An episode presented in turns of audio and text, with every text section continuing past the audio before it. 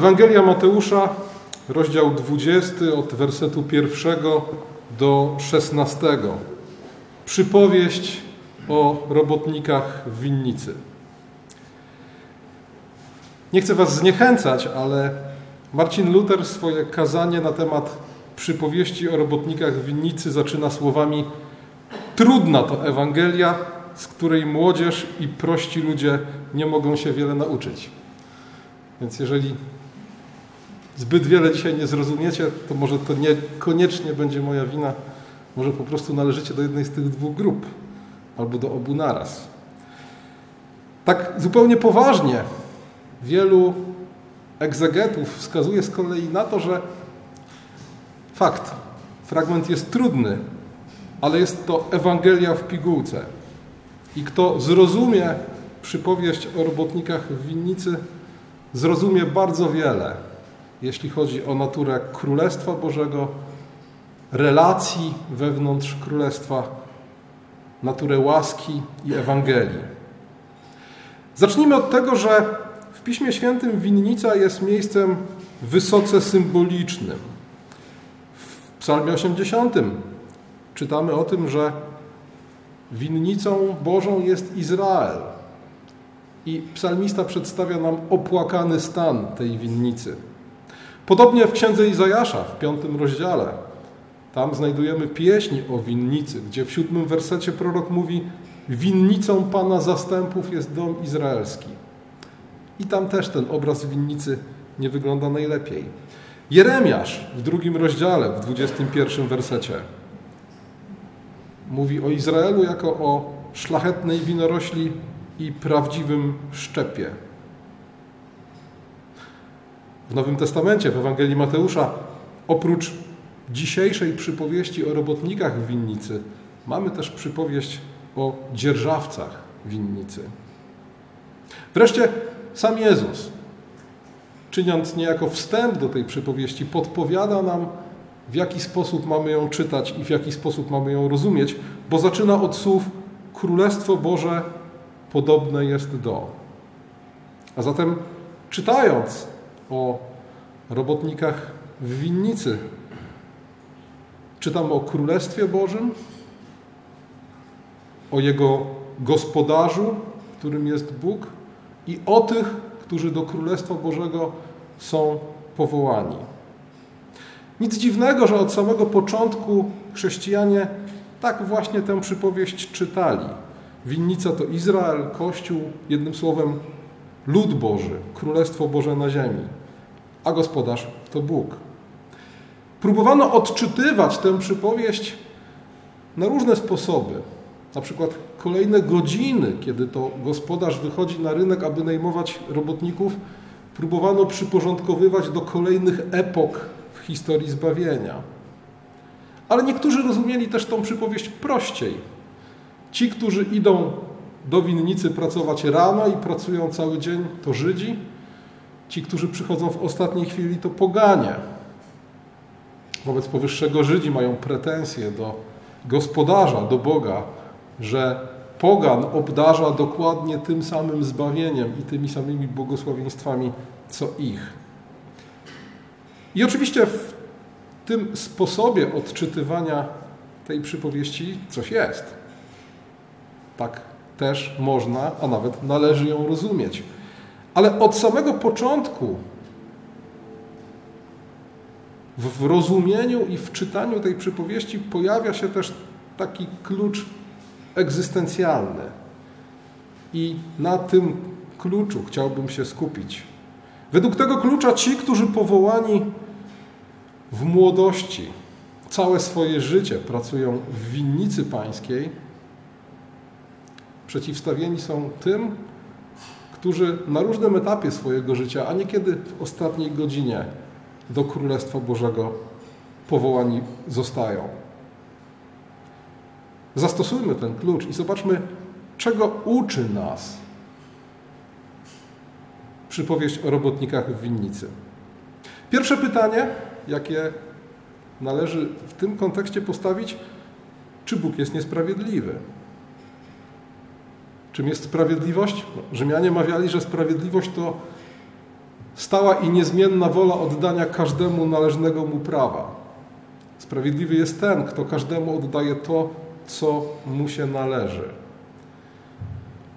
Tutaj w przypowieści robotnikach winnicy sprawiedliwość gospodarza została poddana w wątpliwość. Dlaczego?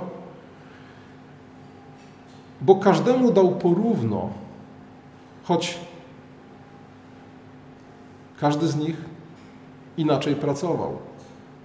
Jedni cały dzień, inni tylko godzinę.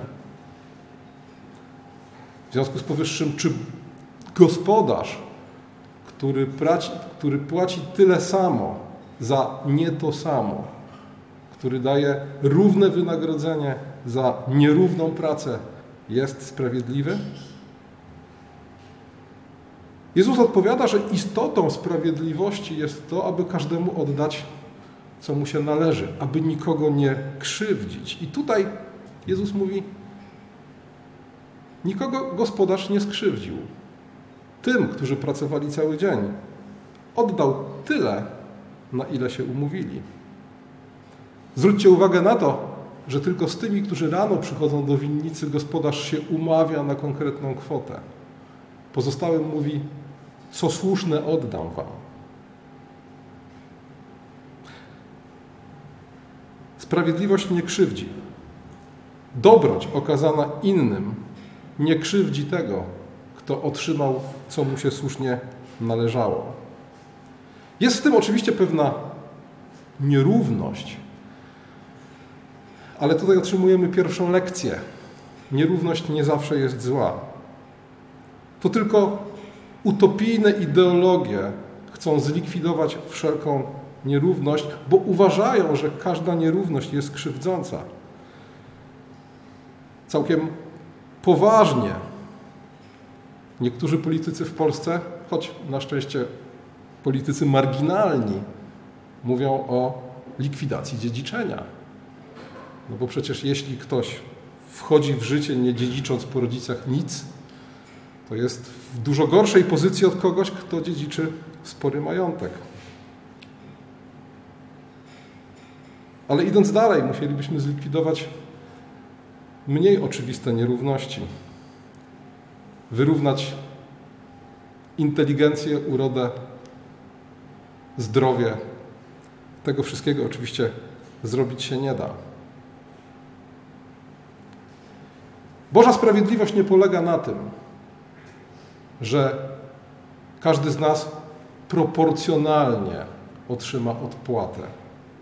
Choć w pewnym sensie tak jest. Ale Boża sprawiedliwość w pierwszej kolejności polega na tym, że nikt nie otrzyma mniej niż mu się należy. Przy tej okazji przypowieść o robotnikach w winnicy ukazuje nam naturę zbawienia. Naturę zbawienia, które jest jednakową zapłatą, jednakowej wartości darem dla wszystkich, którzy do Królestwa Bożego zostali powołani. I znowu, może tym, którzy cały dzień pracowali w winnicy pańskiej, wydawać się to niesprawiedliwe. Ale Jezus wyjaśnia, jak to działa. Po pierwsze, zwróćcie uwagę, że w tej, w tej przypowieści najważniejsza nie jest praca, którą wykonują robotnicy w winnicy. Najważniejsze jest co? Powołanie. Najważniejsze jest to, że do tych ludzi stojących bezczynnie na rynku przychodzi gospodarz i zmienia ich życie, zmienia ich dzień. Zbawia ich od czego? Od całodziennej bezczynności i bezużyteczności.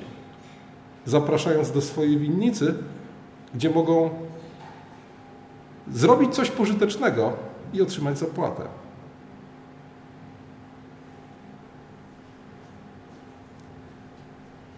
I oczywiście w przypadku tych ludzi, którzy pracują w winnicy cały dzień, może pojawić się myśl,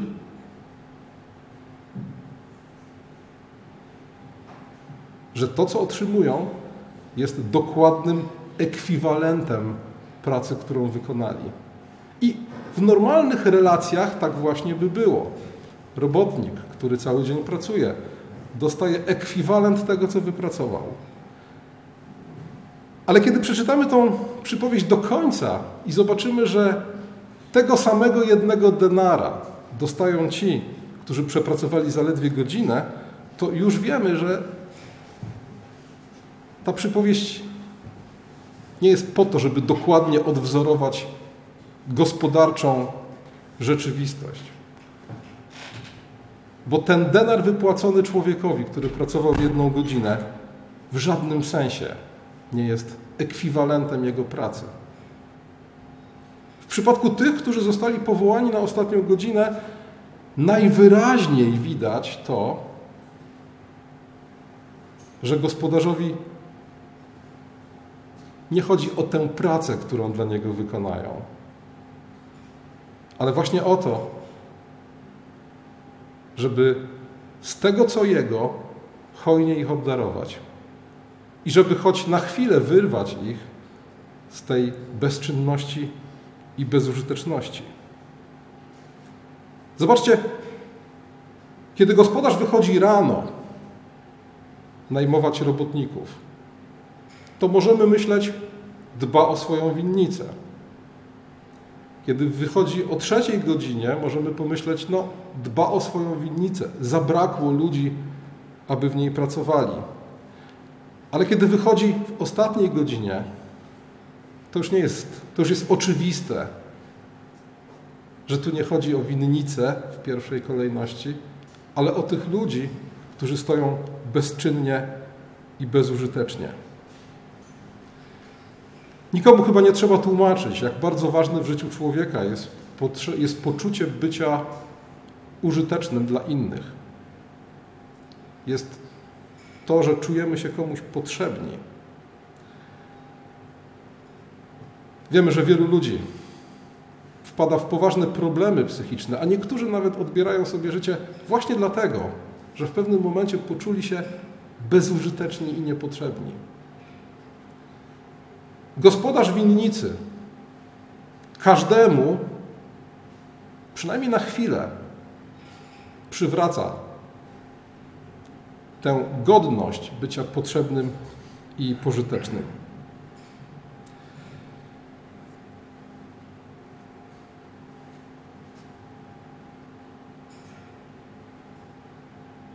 Przypowieść o robotnikach w winnicy mówi nam też dużo o naturze Królestwa Bożego. I tutaj warto zwrócić uwagę na pewną klamrę.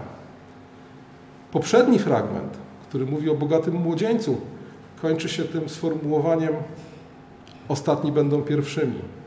I tym samym sformułowaniem kończy się przypowieść o robotnikach w winnicy.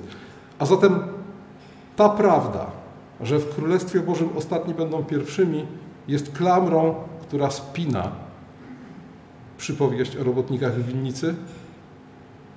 I co za tym idzie, jest dla nas ważną informacją na temat tego, jak tę przypowieść należy rozumieć. To nie jest jedyne miejsce, gdzie Chrystus tak stawia sprawę. O tym, że pierwsi będą ostatnimi, mówi też w kontekście relacji Żydów i Pogan w Ewangelii Łukasza w 13 rozdziale, 13 wersecie. Tam mówi do Żydów: Ujrzycie Abrahama, Izaaka i Jakuba i wszystkich proroków w Królestwie Bożym, siebie samych zaś precz wyrzuconych. Przyjdą ze wschodu, z zachodu, z północy, z południa i zasiądą w Królestwie Bożym. Tutaj w reakcji na niewiarę Żydów Jezus mówi tak, pierwsi będą ostatnimi. Ci, którzy jako pierwsi otrzymali Słowo Boże, ci, którzy jako pierwsi mieli przywilej stać się ludem Bożym przez swoją niewiarę, znajdą się na ostatniej pozycji, a wyprzedzą ich ci, którzy przyjdą z daleka. Strącił władców stronu, a wywyższył pokornych. Znamy te słowa. Głodnych nasycił dobrami, a bogatych z niczym odprawił. Ujął się za swoim sługą Izraelem. Te motywy pojawiają się w Piśmie Świętym bardzo często. Apostoł Paweł mówi, że Bóg wybrał to, co głupie i słabe, żeby to, co mocne i we własnych oczach mądre poniżyć. Tutaj podobnie. Mamy pierwszych, tych, którzy zostali powołani na samym początku i którzy, jak jeden z nich mówi z dumą, znosili ciężar dnia i upał, mają prawo czuć się pierwsi w swoich oczach, a jednak nie dość, że otrzymują dokładnie tyle samo, co ci ostatni, to jeszcze zwróćcie uwagę na kolejność, w jakiej gospodarz wypłaca wynagrodzenia. Mówi do zarządcy od ostatnich do pierwszych. Ta zasada, ona przypomina nam o tym, że nasza chluba i pozycja wynika tylko i wyłącznie z tego, kim jesteśmy w Chrystusie.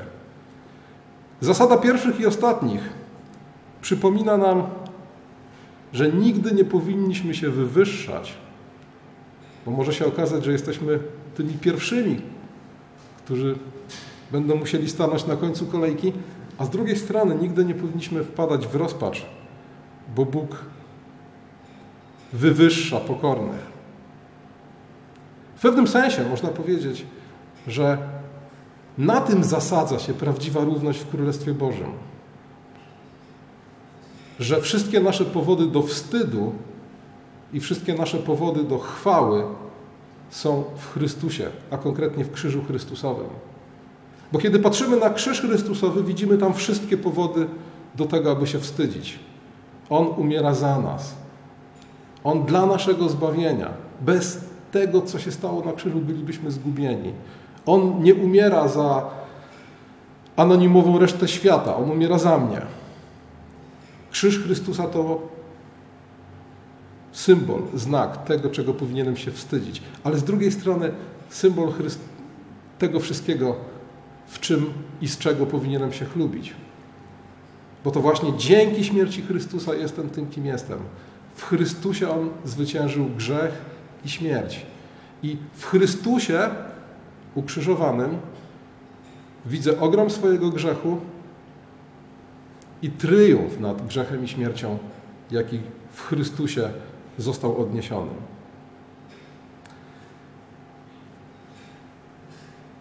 Krzyż Chrystusowy jest w związku z powyższym kluczem do zrozumienia przypowieści o robotnikach w winnicy.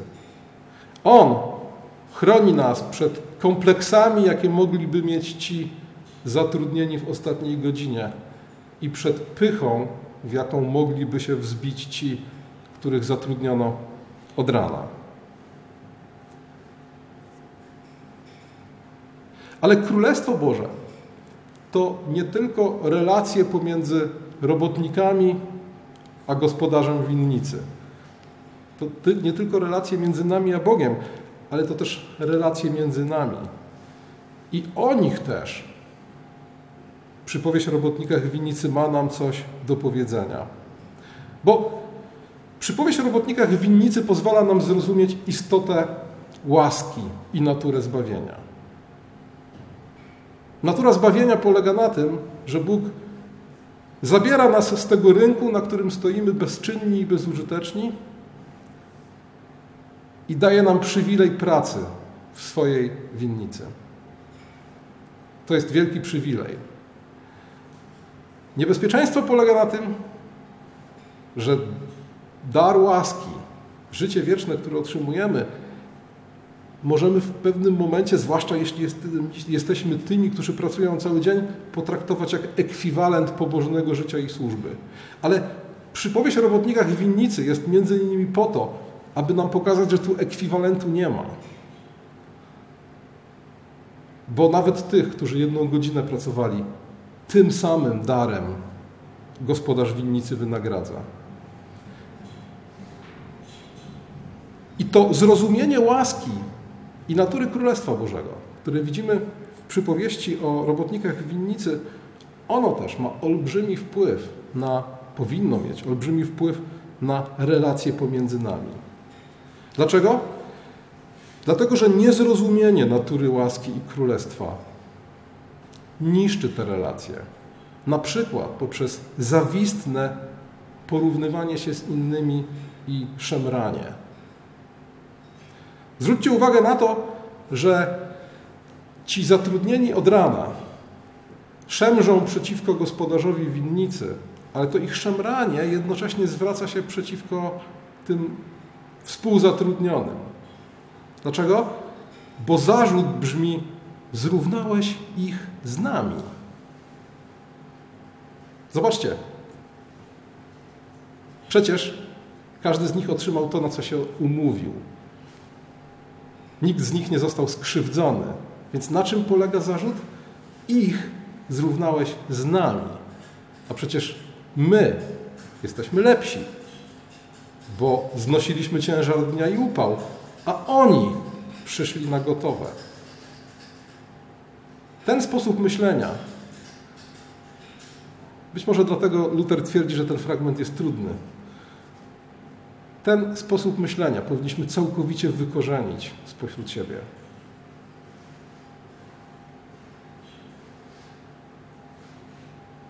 Do tego konieczne jest zrozumienie natury łaski i natury królestwa. Tutaj pojawia się to słowo szemranie i ono w Biblii występuje kilka razy i zawsze jest przedstawiane jako coś bardzo złego i bardzo niszczącego dla relacji wewnątrz ludu Bożego. Dla relacji wewnątrz ludu Bożego, ale też dla naszej relacji z Bogiem i dla naszego zrozumienia tego, co Bóg dla nas robi. Zobaczcie, kiedy Izraelici szemrzą na pustyni,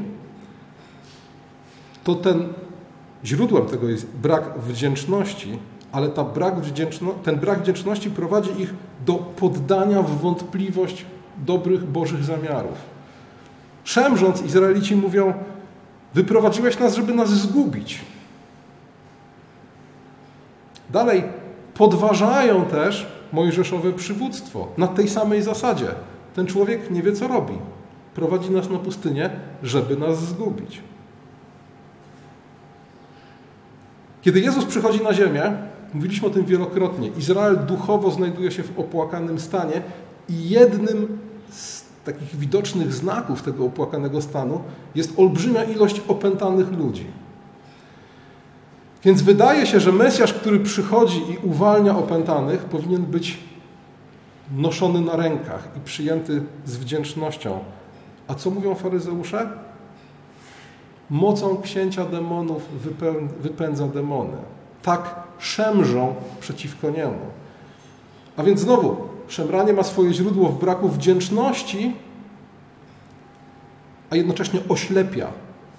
Tak jak oślepiło Izraelitów, którzy doszli do wniosku, że Bóg chce ich zgubić i Mojżesz nie wie, co robi, tak oślepiło faryzeuszy,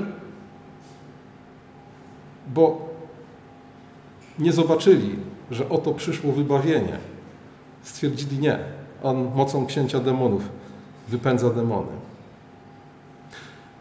O szemraniu jako zagrożeniu dla wspólnoty sporo pisał święty Benedykt w swojej regule, a w ślad za nim wszyscy, którzy do tej tradycji nawiązywali. Opat Tyniecki, Szymon Chyżycki w książce Cywilizacja Psałterza, książce o duchowości benedyktyńskiej pisze, że szemranie to jest takie bezpłodne narzekanie. Ono czasem bywa uzasadnione w tym sensie, że mamy jakieś tam podstawy do narzekania, ale istotą szemrania jest to, że to jest narzekanie bezpłodne. A więc ono nie prowadzi do żadnego rozwiązania. Wręcz przeciwnie, potępuje napięcie i wzmacnia niejasności. A jeśli chodzi o wpływ szemrania na wspólnotę, to Chirzycki mówi, szemranie nie tylko niszczy prawdziwą wspólnotę, ale robi coś jeszcze gorszego. Tworzy fałszywą wspólnotę. Bo nikt nie szemrze, nie narzeka przed lustrem, zawsze wobec innych. W ten sposób tworzą się pozory wspólnoty, a w zasadzie tworzy się zła wspólnota, której nie, nie zależy na dobru wspólnym ani na żadnej odpowiedzialności za tę sytuację. Taki krąg, jak pisze Chirzycki, paplających narzekaczy żadnej odpowiedzialności za zło, które widzi, wziąć na siebie nie chce.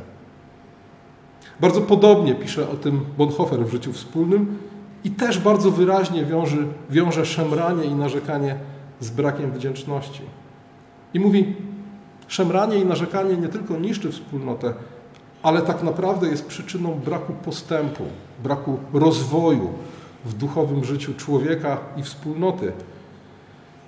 Bo tylko tam, gdzie jest wdzięczność, gdzie dziękujemy za rzeczy małe, otrzymujemy rzeczy większe. Reasumując, przypowieść o robotnikach w winnicy uczy nas tego, że Bóg nie jest naszym dłużnikiem. Bylibyśmy bezczynni i bezużyteczni, stojąc na tym rynku od rana do wieczora. Jednak Pan zlitował się nad nami i powołał nas do pracy w swojej winnicy. Jednych rano, drugich w ostatniej godzinie życia. Gdyby nie to, stalibyśmy głodni i nikomu niepotrzebni. A jednak On nas powołał do swojego królestwa. I największym przywilejem jest to, że nas powołał. Największym przywilejem jest to, że zabrał nas z tego miejsca, gdzie byliśmy bezczynni i bezużyteczni. Dał nam możliwość pracy w swojej winnicy. A więc dał nam szansę na pobożne życie, na życie Jego słowem, Jego przykazaniami i owocną, pożyteczną służbę dla innych. A tutaj kryje się pułapka. Pułapka, w którą wpadają religijni ludzie na każdym etapie historii. Zapominamy o tym, że Bóg nie jest nic nam dłużny, a życie wieczne zaczynamy traktować jak ekwiwalent pobożnego życia i służby. I wtedy Bóg wyprowadza nas z błędu, między innymi poprzez przypowieść o robotnikach winnicy, pokazując nam, że tak naprawdę nie o naszą pracę tu chodzi, ale o to, że On jest dobry i z tego, co do Niego należy, hojnie udziela tym, których powołał. Dlatego miej w pamięci łaskę, którą okazał Ci Chrystus. Nigdy nie traktuj zbawienia i życia wiecznego jako ekwiwalent pobożnego życia i służby. Nie bądź zawistny i nie porównuj się z innymi, bo to po pierwsze może świadczyć o tym, że słabo rozumiesz naturę łaski, zbawienia i Królestwa Bożego. To po drugie może zablokować Twój wzrost i rozwój, bo pozbawia Cię wdzięczności, a tam, gdzie nie ma wdzięczności, nie ma postępu, bo tylko tam, gdzie dziękujemy za rzeczy małe, otrzymujemy większe. I wreszcie to może zrujnować Twoje relacje z innymi, których Bóg powołał, bo każdego powołał inaczej, każdego powołał w innym momencie, a wszystkich tym samym życiem wiecznym obdarza. Dopóki traktujesz życie wieczne jak ekwiwalent pobożnego życia i służby, to tak naprawdę zbyt wielką wagę przywiązujesz do tego, co robisz, a prawdopodobnie zbyt małą wagę do łaski, jaką Bóg okazał Tobie, powołując Cię do swojego królestwa. Dopiero wtedy, kiedy rozumiesz naturę łaski i pamiętasz, że Bóg nie jest Twoim dłużnikiem, wszystko, co masz, otrzymałeś od Niego. Rozumiesz to, o czym apostoł Paweł mówi, cóż masz, czego byś nie otrzymał, a jeśliś otrzymał, czemu chlubisz się tak, jakbyś nie otrzymał. Dlatego pamiętajmy o łasce, którą Bóg nam okazał w Chrystusie. Nie bądźmy zawistni i nie porównujmy się z innymi i cieszmy się raczej, zamiast martwić tym, że Bóg jest hojny i z tego, co do Niego należy, hojnie obdarza wszystkich. Amen.